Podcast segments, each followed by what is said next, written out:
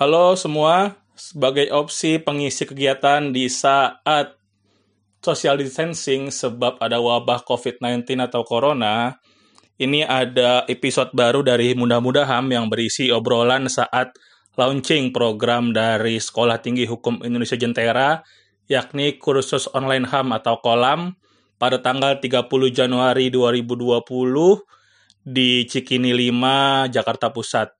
Obrolan ini bersama Rara Sekar, ya kita sama-sama tahu seorang seniman, musisi, dan juga sangat aktif di isu hak asasi manusia atau kemanusiaan lewat beberapa metode, termasuk uh, bergabung dengan serikat buruh, kemudian juga dengan berkebun, juga dengan pendidikan kritis melalui media fotografi lewat Academy Project, dan juga gimana kita bisa melihat eh, hal-hal uh, seru yang Rara dan band uh, dapatkan selama di Selandia Baru.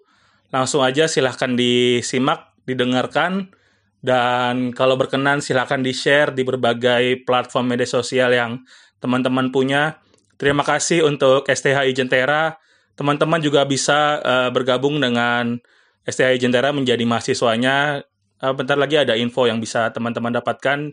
Jangan lupa juga follow Rara Sekar, uh, follow juga uh, eh, STH Jentera di Twitter dan di uh, Instagram. Kemudian uh, selamat menikmati. Oh ya, aksi Kamisan ditiadakan terlebih dahulu selama uh, situasi wabah COVID-19 atau Corona ini masih uh, menjadi perhatian kita semua untuk menjaga diri, stay safe, dan juga semoga teman-teman semua terjaga kesehatan beserta keluarganya. Sampai ketemu lagi di berbagai kesempatan. Salam mudah-mudahan. Kita ke uh, Karara, c Karara. Kayak gue adik banget nih. Uh, Soalnya-soalnya gue Isyana manggil lu Karara. Isyana aja gak manggil gitu. Iya. Kurang kenceng kayaknya. Sip. Cek. Jadi gue juga lupa uh, mention kalau Rara Sekar juga aktif di Serikat uh, Pekerja Media Digital terus juga industri kreatif ya. Biasa disebut sindikasi kita mungkin masuk dari frame itu dulu nih. Kenapa akhirnya lo mutusin untuk akhirnya gabung jadi seorang anggota dari serikat, serikat pekerja atau ya serikat buruh yang punya image mungkin dari eh, orang-orang uh, sekitar tuh wah kiri banget dan sebagainya gitu-gitu. Kenapa nih? Belok kiri mentok ya? Iya, iya belok kiri mentok.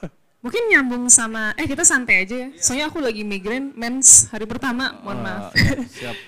um, nyambung dari obrolan Bang Haris, dan mungkin tadi aku pengen apresiasi aja kalau tadi kita ngomongin tentang human rights education gitu. Um, tempat belajar HAM aku yang pertama tuh di kontras dan guruku tuh sebelah ini magang juga terus didatengin Intel juga. Jadi semua belajar dari program kontras. sehama dulu ya? Aku jebolan sehama pertama. Oke, jadi tahun gagal. Masih eksperimen. Oh sukses ya. Eksperimentasi kan bang? Oke jadi um, tadi ngomongin serikat ya, kenapa aku gabung serikat? Oke, jadi aku pengen nyambung dari penjelasan yang sangat terstruktur dari Bang Haris tadi gitu.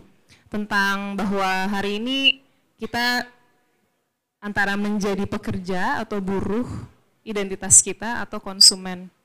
Aku rasa itu bukan masa depan sih Bang, bahkan serang sekarang pun uh, udah seperti itu gitu dan tidak jarang aku ketemu sama teman-teman bahkan diri aku sendiri mengalami kekosongan-kekosongan arti gitu. Value-nya tuh nggak ada karena uh, seakan-akan tidak ada opsi untuk berkarya gitu. Sebenarnya ada cuman ketika kita memilih jalur yang kita inginkan kemungkinan kita miskin banget gitu kan. Um, dan pekerja sekarang hari ini kita semua mungkin ya nggak cuman milenial yang jargon yang diulang-ulang oleh pemerintahan biar ala-ala aja Um, tapi kita itu adalah prekariat atau kita adalah pekerja-pekerja yang rentan. Nah rentan di sini tuh kita nggak punya jaminan. Siapa di sini freelancer? Ada nggak pekerja lepas freelancer? Kok dikit sih? Tunjuk tangan freelancer. Oh ini 9 to 5, ini masa pengangguran, ya. Pengangguran, pengangguran. Pengangguran, mahasiswa. Oke, okay, um, jadi kalau di serikat sindikasi banyak banget freelancer seperti aku, aku aku juga freelancer. Dan sebagai freelancer tuh kita nggak punya jaminan apa apa. Pertama um, sering kalau misalnya freelancing terus kerja sama temen kontraknya datang belakangan ya nggak. Jadi kita kerja dulu tapi nggak pasti dibayarnya. bahkan beberapa tahun ini aku mengalami itu gitu kerja atas asas pertemanan eh nggak taunya selesai kerja nggak dibayar karena nggak ada kontrak dan ini levelnya institusi loh institusi HAM lagi. Wah bocor. Um, tapi masuk belakang dia borolin di uh, di gogon di belakang. Tapi intinya gini um, freelancing itu apa ya? Ada ilusi bahwa fleksibilitas itu meningkatkan produktivitas ya nggak sih?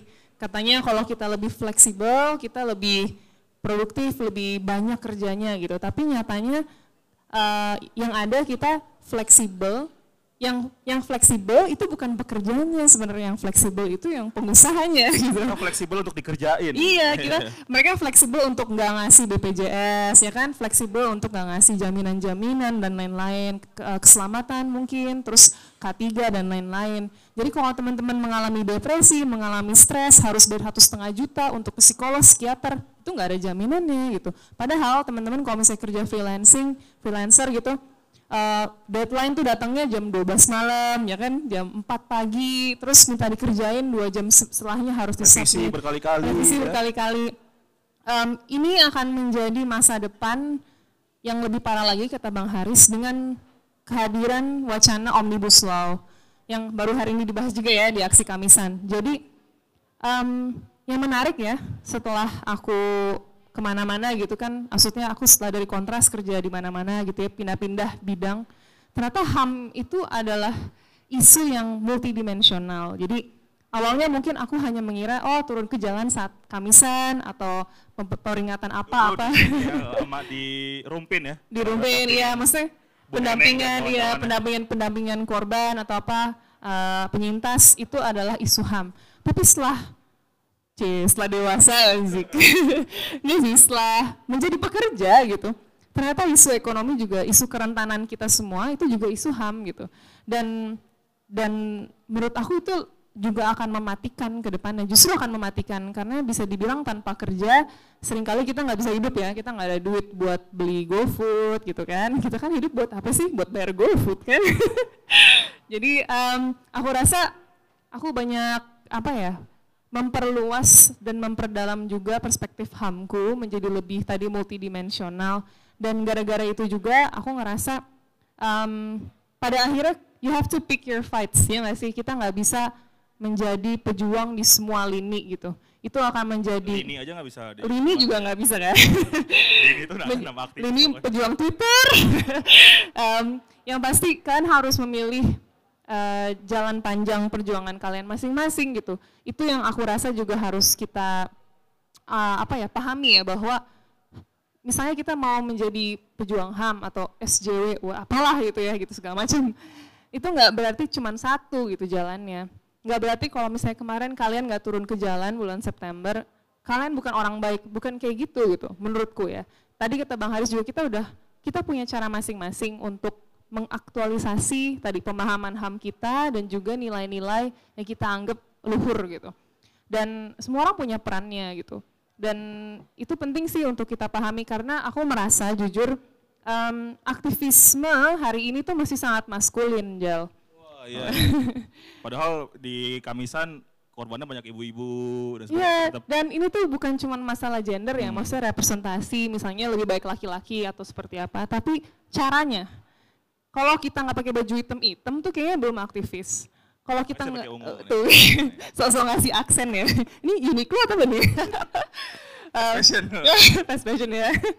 Maksud aku uh, mungkin kalau kita belajar dari kelompok ibu-ibu misalnya atau um, misalnya kelompok-kelompok lain yang bukan kelompok-kelompok aktivis yang kita ketahui ya, yang kita anggap sebagai model aktivis Jakarta gitu atau kota-kota besar, ada cara-cara aktivisme yang yang patut kita apresiasi juga dan mungkin replikasi juga gitu. Yang ini, ini cerminan waktu program akademi ya, bikin workshop ke empat kota, termasuk Manokwari ya. Iya, kita ke Manokwari. Nah. Jadi sebenarnya kalau aku aku sangat banyak belajar dari gerakan-gerakan feminisme di New Zealand sebenarnya. Jadi di sana itu mereka sangat mengedepankan ethics of care. Jadi caring gitu.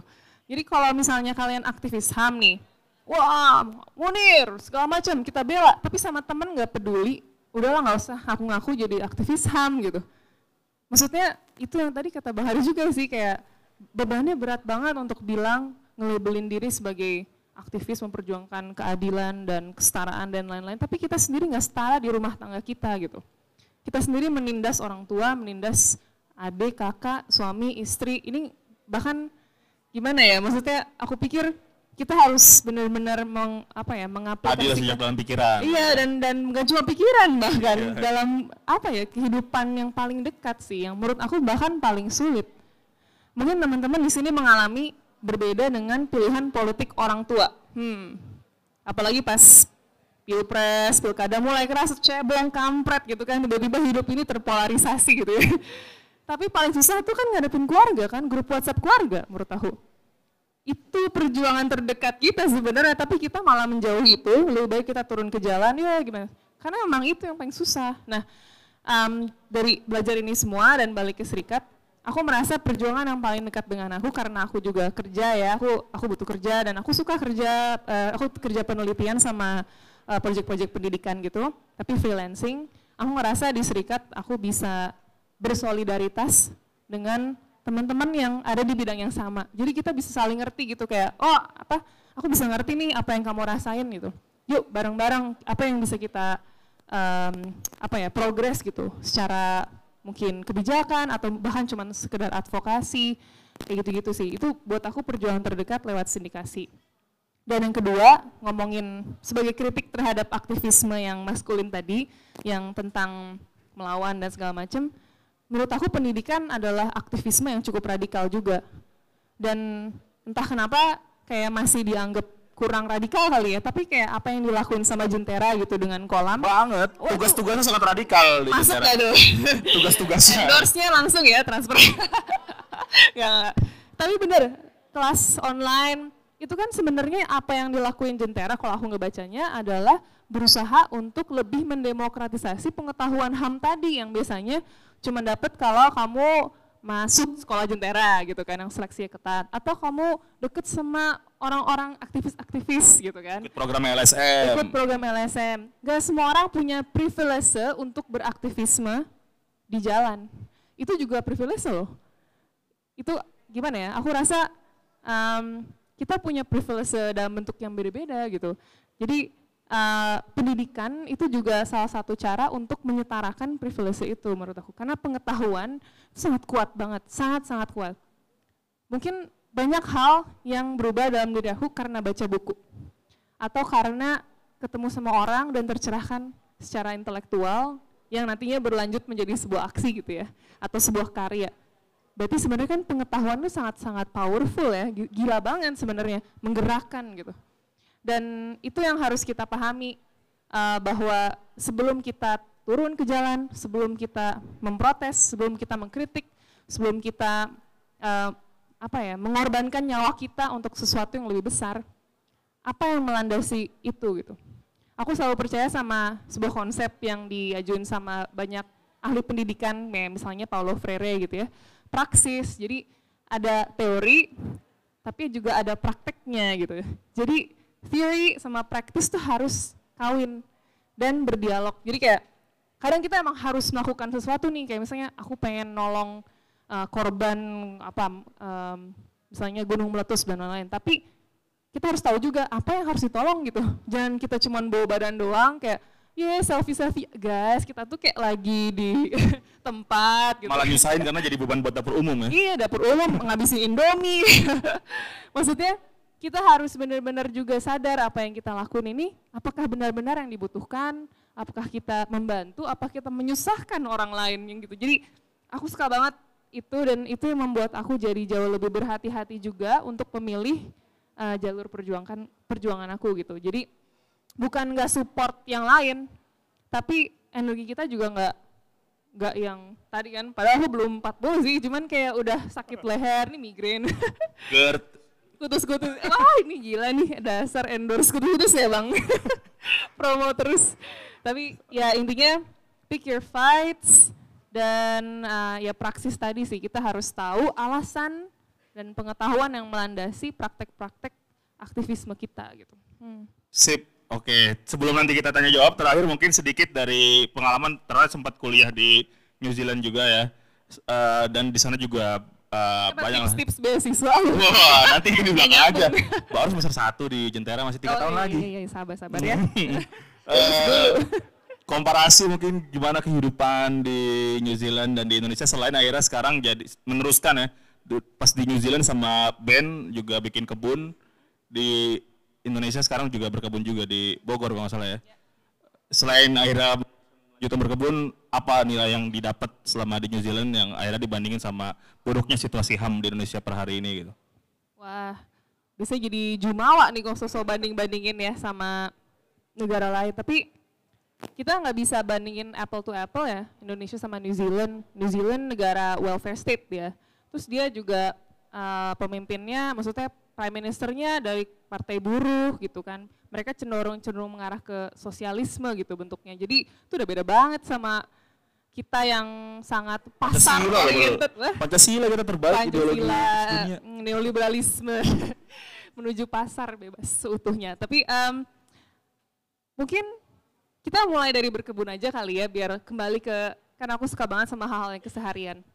Jadi uh, selama kuliah gitu aku dapat bukan banyak pencerahan cuman kesadaran-kesadaran dari teman-teman sekitarku gitu bahwa sebenarnya the, the personal is political and the political is personal. Jadi ketika kita ngomongin hal-hal kayak politik gitu ya, kalau kita dengar kata politik yang terbayang, yang tervisualisasi adalah politik elektoral ya nggak sih kayak rapat-rapat DPR rapat DPR ngantuk-ngantuk gitu partai ya. iya terus kayak cebong kampret pokoknya yang kita bayangin itu nggak sih ya itu narasi yang beredar di di masyarakat di masa gitu ya.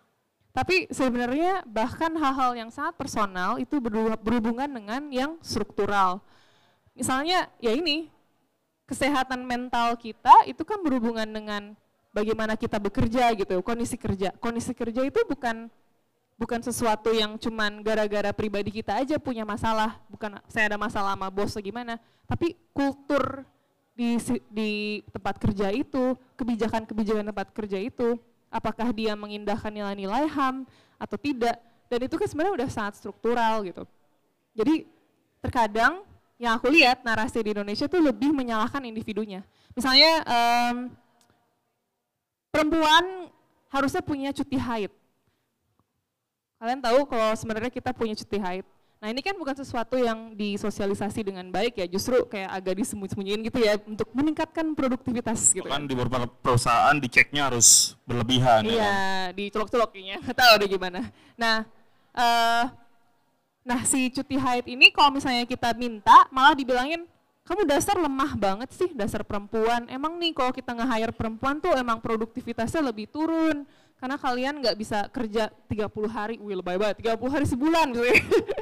Tapi sebenarnya permasalahan adalah permasalahan struktural ini bahwa banyak sekali perusahaan-perusahaan yang tidak mengikuti peraturan yang sebenarnya sudah tertulis bahwa ada kebijakan perempuan tuh harus bercuti haid gitu.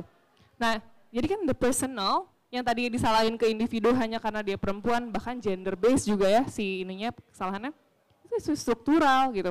Jadi itu aku lebih belajar sih. Jadi um, ketika kita menyadari hal seperti itu kita nggak kita jadi melihat dunia dengan kacamata baru sih jadi nggak selalu mengurusi hal-hal yang makro meskipun yang makro sangatlah penting untuk kita awasi kita ya awasin lah gitu ya kita pantau tapi hal-hal yang keseharian cek deh kehidupan bertetangga kalian itu juga udah sangat politis sebenarnya berhubungan dengan akses ke air bersih harga listrik bahang ini yang sangat-sangat naik aku ngerasain banget gitu kan dan lain-lain uh, jalan yang buruk, akses jalan yang buruk, kemacetan, transportasi umum, ini semua hal-hal politis, hal yang sangat struktural. Dan itu aku merasakan dan belajar banyak di New Zealand gitu. Karena mereka sering kali aktivismenya nggak selalu langsung jauh, apa ya, meminta sesuatu yang abstrak. Jadi kalau di New Zealand tuh kita pernah, uh, si Ben pernah ngelihat uh, anak-anak TK mereka aksi di depan DPR ya. Anak TK. Oh. Hmm, ya. Teman-teman Upin Ipin kali itu. Iya. Dan mereka meminta udara bersih. Jadi uh, mereka meminta untuk segera emang New Zealand menuju ke negara bebas asap rokok 2030 kalau nggak salah. Jadi Bang Aris nggak bisa tinggal di New Zealand. Nggak bisa nih kayaknya. Yeah. Tapi intinya 2030.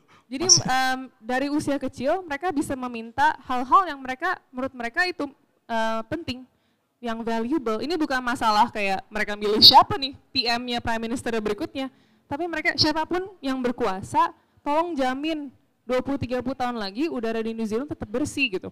Dan hal-hal seperti itu kan sangat menginspirasi ya kayak kita waktu TK kayaknya udah disuruh aku udah dengar kalau di Indonesia udah suruh belajar matematika terus udah suruh belajar bahasa Cina. Bahasa kalau ya bahasa Cina gitu kayak wow. Maksudnya um, kita memang dipersiapkan untuk menjadi pekerja untuk di link and match ke revolusi industri 4.0 untuk menjadi, menjadi pekerja dan konsumen tadi bukan untuk menjadi seorang warga negara yang kritis yang bisa mem mengetahui apa yang kita butuhkan. Jadi itu sih bedanya dan kalau berkebun jadi di New Zealand itu hobi nomor satu orang New Zealand itu berkebun. Oke, jadi kalau kita apa ya hobinya di Indonesia? Ngomongin orang kali ya. Gila. kalau di New Zealand itu hobinya berkebun. Jadi nanam nanam aja semua dia, bahkan pohon apalah, pohon segala macam dia. Pokoknya dan sebenarnya waktu aku di sana tuh jadi merasa terasing ketika tidak berkebun justru. Karena cara orang bertukar itu lewat hasil panennya. Jadi misalnya uh, aku bimbingan nih sama dosen, nanti dia, oh saya bawa bayam nih buat kamu dari kebun saya. Terus kalau misalnya aku nggak bawa apa-apa kan agak-agak malu gitu kan. Jadi kayak, wah gimana nih gitu. Akhirnya cabai, cabai rawit susah banget tumbuhnya di sana. Akhirnya aku belajar sendiri berkebun. Tapi ternyata akhirnya setelah mulai berkebun, di sana itu uh, berkebun itu bukan cuma sekedar menanam makanan, tapi untuk menciptakan masyarakat yang resisten, yang bertahan, yang punya pertahanan terhadap krisis iklim, krisis sosial, krisis air, krisis pangan. Dan yang kedua untuk membangun solidaritas. Jadi gerakan-gerakan anarko di sana itu berkebun. Jadi mereka punya nama istilahnya tuh radical gardening. Jadi radical gardening itu kayak men mengambil, mengkooptasi ruang-ruang publik atau yang seharusnya milik publik atau ruang-ruang yang uh, misalnya tau gak sih tanah-tanah kosong di Menteng gitu kan atau di Kemang itu kan baik banget tanah-tanah kosong. Nah itu diambil dijadiin kebun. Kebun-kebun untuk masyarakat. Jadi aku belajar bagaimana mereka menanam emang untuk memberi makanan kepada masyarakatnya dan juga mengembalikan hal-hal yang dimiliki oleh orang-orang segelintir orang-orang dikembalikan ke publik. Itu lewat berkebun. Jadi lagi-lagi uh, ya the personal is political. Ternyata untuk menjadi seorang yang politis seorang yang mau mengabdi ke masyarakatnya nggak satu jalur gitu, nggak ada cuma satu cara, tapi berkebun pun bisa.